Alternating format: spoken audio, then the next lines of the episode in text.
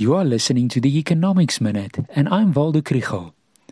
The Minute closes this week with news about the first economic indicators that show how things went in August.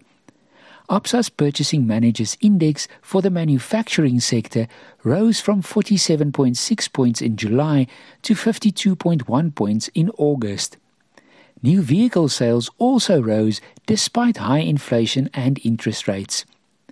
The Bureau of Economic Research explains that the Purchasing Managers Index consists of a number of sub indices that help to paint a picture of what's happening in the manufacturing sector.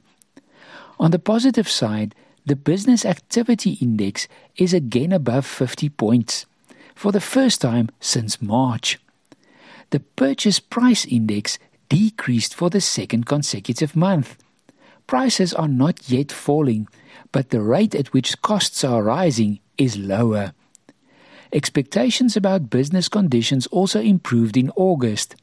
Yet one must bear in mind that the indicator for export sales is lower and local new orders or new sales did decrease but at a slower rate. New vehicle sales increased by 14% compared to August 2021 and were approximately 3,800 units more than this July. Of August's sales, 86% were through dealers, 8% were to the rental industry, and 4% to business fleets.